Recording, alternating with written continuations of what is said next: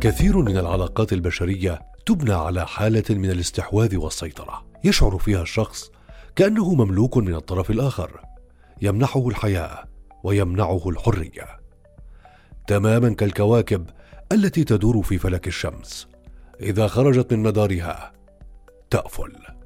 فيستحوذ عليه ويقنعه أن لا أحد في العالم سيمنحه الأمان والعطاء عداه وأن جميع من في العالم الخارجي سيء الطباع وأن الأصدقاء والأهل يتربصون به وأن الأمان وحده معه هو فقط.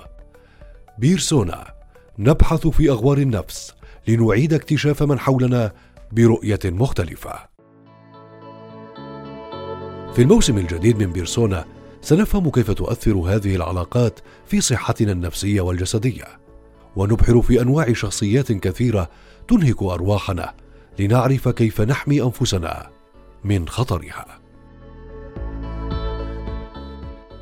الشخص الاستحواذي لديه شعور كبير بالوحدة. يبحث عن الأمان في استحواذه على شخص حد التملك.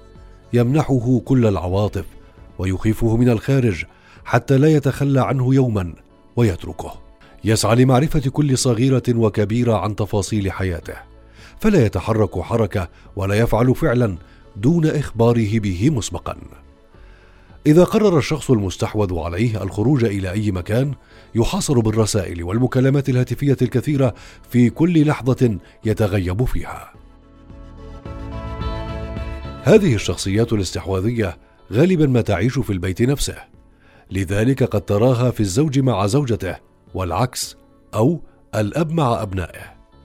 أو كالأم التي تعزل ابنائها عن العالم لتكون لهم المصدر الوحيد للعطاء والأمان والحنان والحب والاهتمام. يذكرنا هذا بعلاقة الحبل السري لكن الفرق هنا أنها من طرف واحد. هذه العلاقة المرهقة تؤدي إلى نتيجة واحدة حتمية. ألا وهي ضمور الطرف المستحوذ عليه.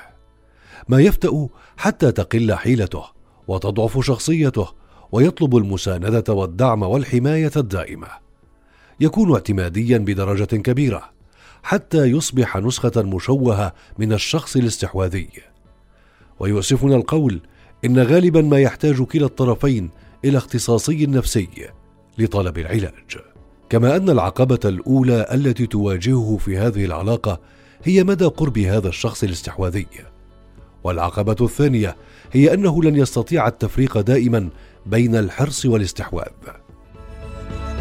لكن إذا استطاع أن يفهم هذه الدوامة فعليه أن يخرج من هذه الشرنقة كالا يسمح للشخص الاستحواذي بأن يمحو شخصيته ويتجاوز حدوده ويطمئنه بأنه دائما سيكون معه.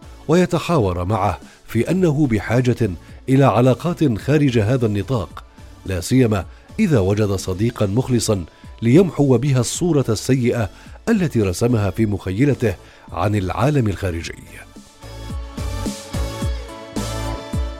شاركنا آراءك وتعليقاتك ولا تفوت حلقتنا القادمة من بودكاست بيرسونا. بزاوية أخرى نرى من حولنا.